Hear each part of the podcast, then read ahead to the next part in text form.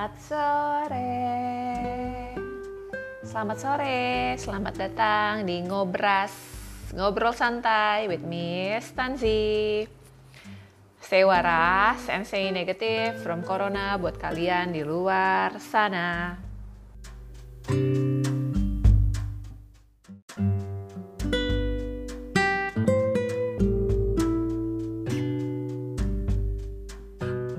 Pernahkah dalam hubungan kalian terjadi percakapan kayak gini? Kayak lu tuh nggak ngerti cara ngehargain gue. Kayak gue tuh nggak rasa lu tuh nggak cukup sayang nih sama gue. Kalau nggak ada juga pacar yang kayak nanya-nanya terus kayak lu sayang nggak sih? Sayang nggak sih sebenarnya? Dan kita tuh sampai nggak ngerti lagi harus gimana nuangin rasa sayang kita karena kok dia nanya terus kok dia ngeluh terus atau malah kebalikan. Kita yang ngerasa kalau kita nggak disayang hal-hal seperti ini yang ngebuat kita mempertanyakan kembali sebenarnya apa sih yang dicari dalam hubungan? Kayaknya cinta-cintaan doang nggak cukup deh. Kayaknya ada masalah komunikasi deh yang harus diselesain. Coba komunikasinya apa sih? Kenapa ya? Kayak pesan cinta gue ke pasangan tuh nggak nyampe gitu loh. Harus gimana lagi gue buktiin kalau gue tuh sayang. Nah, hal-hal seperti ini yang ngebuat uh, salah satu teori Five Love Languages kalau teman-teman tahu. Jadi teori ini itu berasal dari satu buku yang terbit pada tahun 1992 oleh uh, Gary Chapman. Jadi Gary Chapman merupakan seorang konselor pernikahan dan dia udah nanganin banget yang namanya kasus-kasus couples yang curhat, ngobrolin dan dia menangkap satu fenomena dan dia juga pakai data gitu ya. Hal yang menarik adalah yang bisa ditangkap kenapa ya pasangan ini itu saat dia menyampaikan pesan cintanya, love uh, love message-nya dia ke pasangannya kok nggak bisa ditangkap sih sama pasangan lainnya. Something is lacking. Komunikasinya tuh ada yang kurang gitu loh. Sedangkan hal ini yang merupakan basic communication between the couples itu akan mempengaruhi sekali kelanggengan dari yang namanya hubungan itu sendiri. Sehingga setelah dia pelajari lebih lanjut, keluarlah dengan lima teori yang namanya five love languages. Ada lima bahasa kasih, ada lima bahasa sayang yang tidak semua orang punya bahasa yang sama. Jadi nggak cuma bahasa kita ngobrol doang nih, tapi bahasa kita dalam mengungkapkan rasa sayang ke orang lain itu juga bisa jadi beda gitu loh. Jadi kita ngomongnya A, yang ditangkap sama dia adalah B, dan jadinya nggak connect. Itu yang membuat permasalahan banyak muncul dalam hubungan.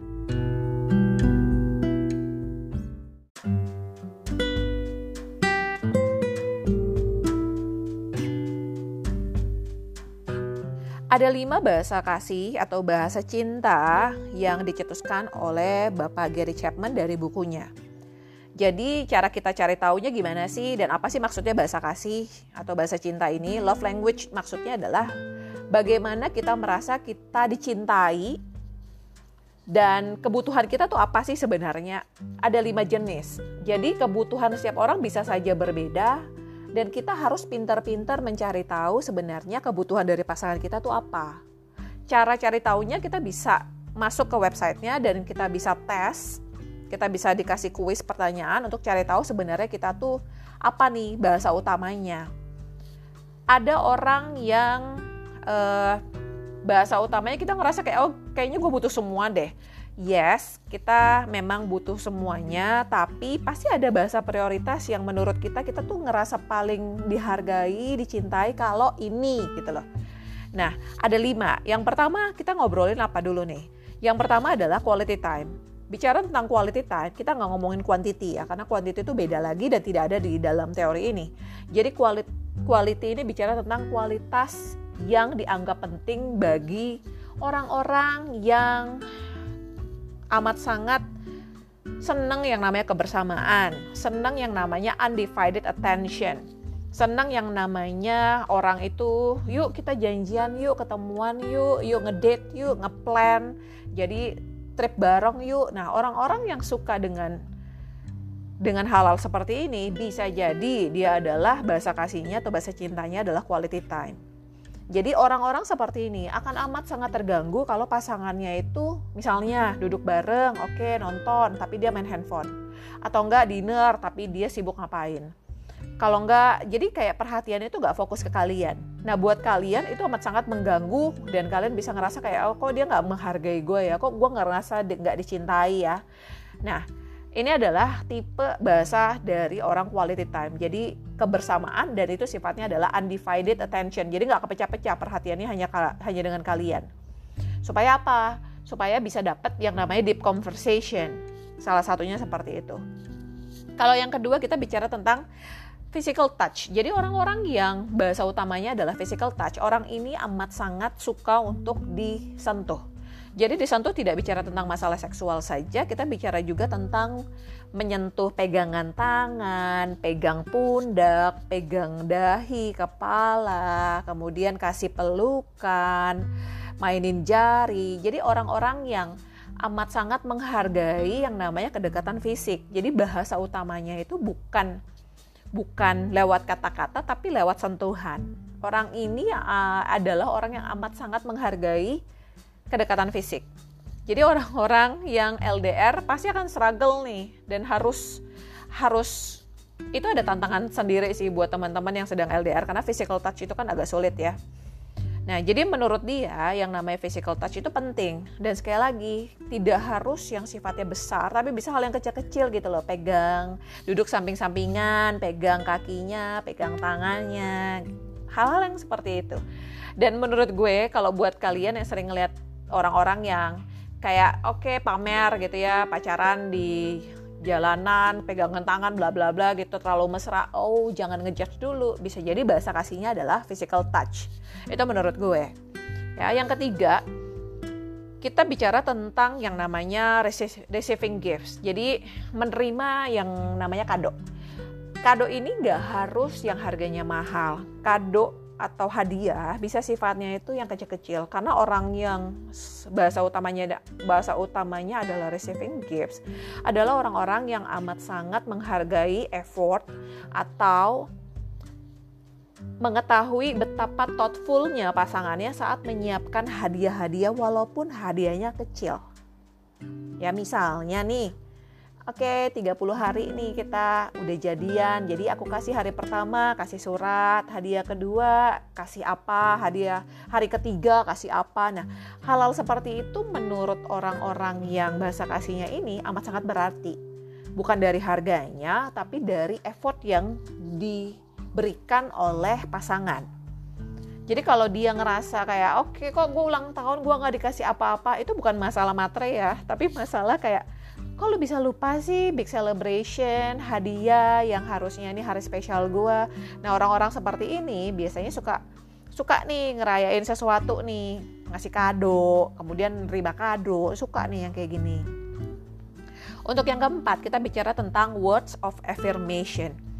Orang dengan bahasa yang seperti ini suka banget dengan hal-hal yang sifatnya verbal jadi bahasa kasih dari pasangan kalau itu bisa terbaca, bisa didengar, itu amat sangat menyenangkan buat dia.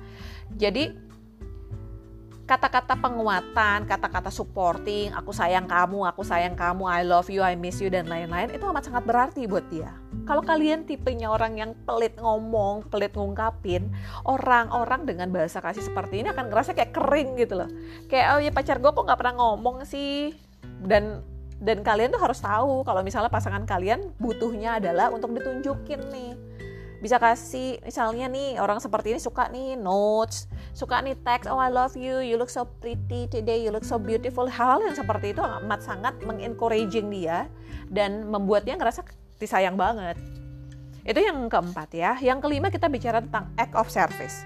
Act of service ini gampang banget kelihatan. Kenapa? Karena orang seperti ini amat sangat suka dengan melakukan sesuatu, membantu pasangannya daripada ngomong. Jadi misalnya dia datang bantu kalian cuci piring, bantu kalian bebersih, bantu kalian bawain tas. Jadi cowok-cowok di luar sana yang suka bawain tas cewek, jangan dijudge kalau ini itu ini itu. Tapi mungkin bahasa kasihnya mereka begitu, suka bantuin gitu loh. Bawain tas, kemudian juga bantu pekerjaan rumah, bantu mikirin, bantu ini. Jadi membantu itu adalah bahasa kasihnya mereka. Beberes, hal-hal yang sifatnya menurut mereka mereka bisa memperingan beban kalian itu amat sangat berarti. Kalau pacarnya lapar yang dilakuin adalah pesenin misalnya oh ya gojekin ya nah sifat-sifat yang yang berupa action itu adalah bahasa utamanya dari orang-orang act of service. Jadi gue ulang ya, quality time, physical touch, receiving gifts, act of service, words of affirmation. Kalian cari tahu dulu kalian yang mana dan pelajari pasangan kalian itu yang apa. Itu penting banget.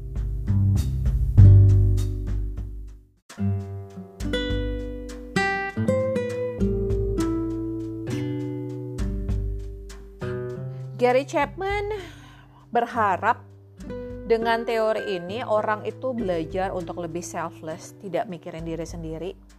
Karena poin dari teori ini ialah bagaimana kita mengisi kebutuhannya dari pasangan kita. Jadi tidak menuntut, tapi mengisi, memberikan apa yang dibutuhkan oleh oleh orang lain. Kemudian kita bisa belajar untuk mengenal pasangan kita, Kemudian kita juga bisa belajar sama-sama membangun hubungan itu kembali, menguatkan hubungan itu.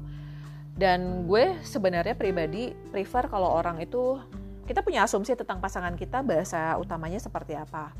Tapi alangkah baiknya kalau kita sama-sama tes, kita sama-sama cari tahu apakah uh, bener gak sih ini tebakan kita gitu loh. Sehingga kita bisa bisa lebih yakin lagi, lebih valid lagi gitu loh pendapat kita tentang pasangan kita. Itu yang pertama. Jadi lebih selfless dan kita memberikan tidak untuk menuntut. Ya, kemudian kita omongin lagi actionnya seperti apa sih sebenarnya batasannya apa sih untuk kita bisa membantu mengkomunikasikan dengan cara yang diinginkan oleh pasangan sejauh apa nih bisa kita kasih itu juga penting gitu loh jadi tetap menjaga ranah healthy relationship dalam koridor yang tepat. Ya, jadi kita nggak nuntut terus. Kalau nggak misalnya orang lagi LDR, aku mau setiap minggu kamu datang terus karena bahasa kasih ke aku tuh physical touch. Kan nggak bisa begitu juga. Itu contoh ekstrimnya ya. Kemudian yang perlu jadi catatan adalah setiap orang punya bahasa kasih yang berbeda dengan orang lain. Jadi maksud gue adalah bahasa kasih atau bahasa cintanya gue dengan pasangan misalnya quality time tapi bahasa gue dengan keluarga dengan adik itu bisa jadi beda. Bahasa gue tentang tem dengan teman teman yang jarang gue temuin itu bisa jadi misalnya words of affirmation di mana gue sering telepon dia untuk nanya pendapat dikuatin dengan kata-kata gitu kan. Beda nih sama pasangan pasangan maunya quality time sama temen misalnya maunya ini. Itu bisa aja terjadi ya guys. Kemudian bisa jadi juga bahasa kita itu situasional. Misalnya gini bahasa gue itu adalah words of affirmation. Tapi ada hari di mana saat gue pulang dari kerja kerjaan gue tuh berantakan banget gue dimarahin bos. Saat gue udah ngalamin hari yang buruk saat gue pulang ke rumah gue nggak mau dengerin words of affirmation. Di saat itu gue cuma maunya physical touch gue maunya dipeluk sama pasangan gue udah gue mau nangis nih dia pelukan pasangan gue jadi bisa jadi sifatnya itu situasional jadi nggak bisa dipukul rata untuk semua tergantung hal-hal yang uh, satu persatu kita mesti mesti lihat lagi nih cuma majoritinya orang akan merasa disayang itu 80% misalnya quality time. Misalnya seperti itu ya. Jadi harus pintar-pintar juga nih untuk membaca situasi. Kemudian selanjutnya, apakah saat kita udah tahu, saat kita udah jalanin ini, apakah hubungan kita akan lebih langgeng sampai ke kakek nenek? Gak begitu cara mikirnya. Jadi kita nggak nggak bisa pastiin, kita nggak bisa garansi kalau kita udah jalanin ini hubungan akan langgeng sekian tahun. Tapi yang pasti Gary Chapman uh, punya analogi. Hubungan itu anggap saja seperti kendaraan. Ya, saat kita mengisi kekosongan, mengisi kebutuhan dari pasangan kita, orang merasa dicintai, ibarat dari kendaraan adalah tangki bensinnya itu full. Karena orang itu ngerasa feeling loved gitu.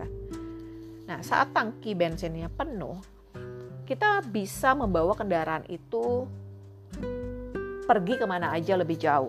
Karena apa? Bensinnya ada. Sama seperti dalam berpasangan. Kita pasti ngalamin masa-masa sulit, masa-masa tough, masa-masa kita kayak udah mau nyerah. Bayangkan kalau masa-masa itu kita jalanin dari diri kita yang merasa tidak dicintai oleh pasangan, tidak diperhatikan oleh pasangan. Jadi kan agak berat nih untuk mengayuh lebih jauh lagi tuh kayaknya agak berat karena kita fondasinya kita ngerasa kayak aduh gua nggak disayang tapi saat teman-teman ngerasa oke okay, modal dasarnya udah ada, bensinnya udah penuh, kita ngerasa disayang gitu ya, kita juga ngerasa kita sayang dia gitu.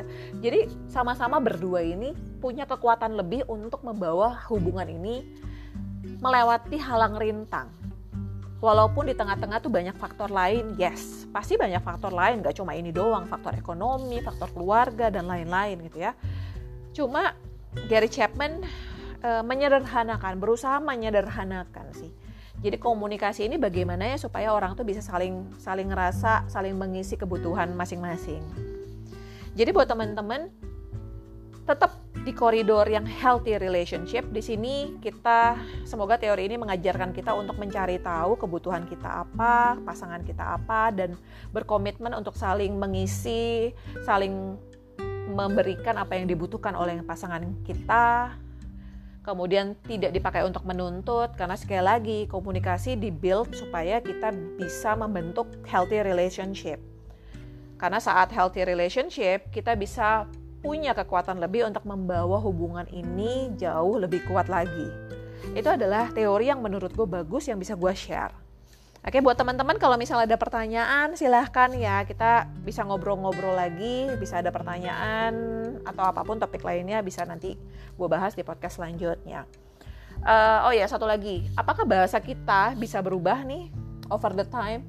Itu bisa ya. Jadi tergantung situasi, setiap orang itu unik. Setiap orang punya mimpinya, setiap orang punya pengalaman yang terjadi yang bisa membentuk orang ini menjadi menjadi berubah. Nah, ini bisa jadi terjadi. Jadi teman-teman sering-sering aja untuk ngecek bahasa kasihnya apakah beda atau enggak. Oke, okay? itu dari aku ya. Jadi kalau misalnya teman-teman suka, tolong disebarin ya info podcastnya. Oke, okay? have a wonderful day semuanya. Bye bye.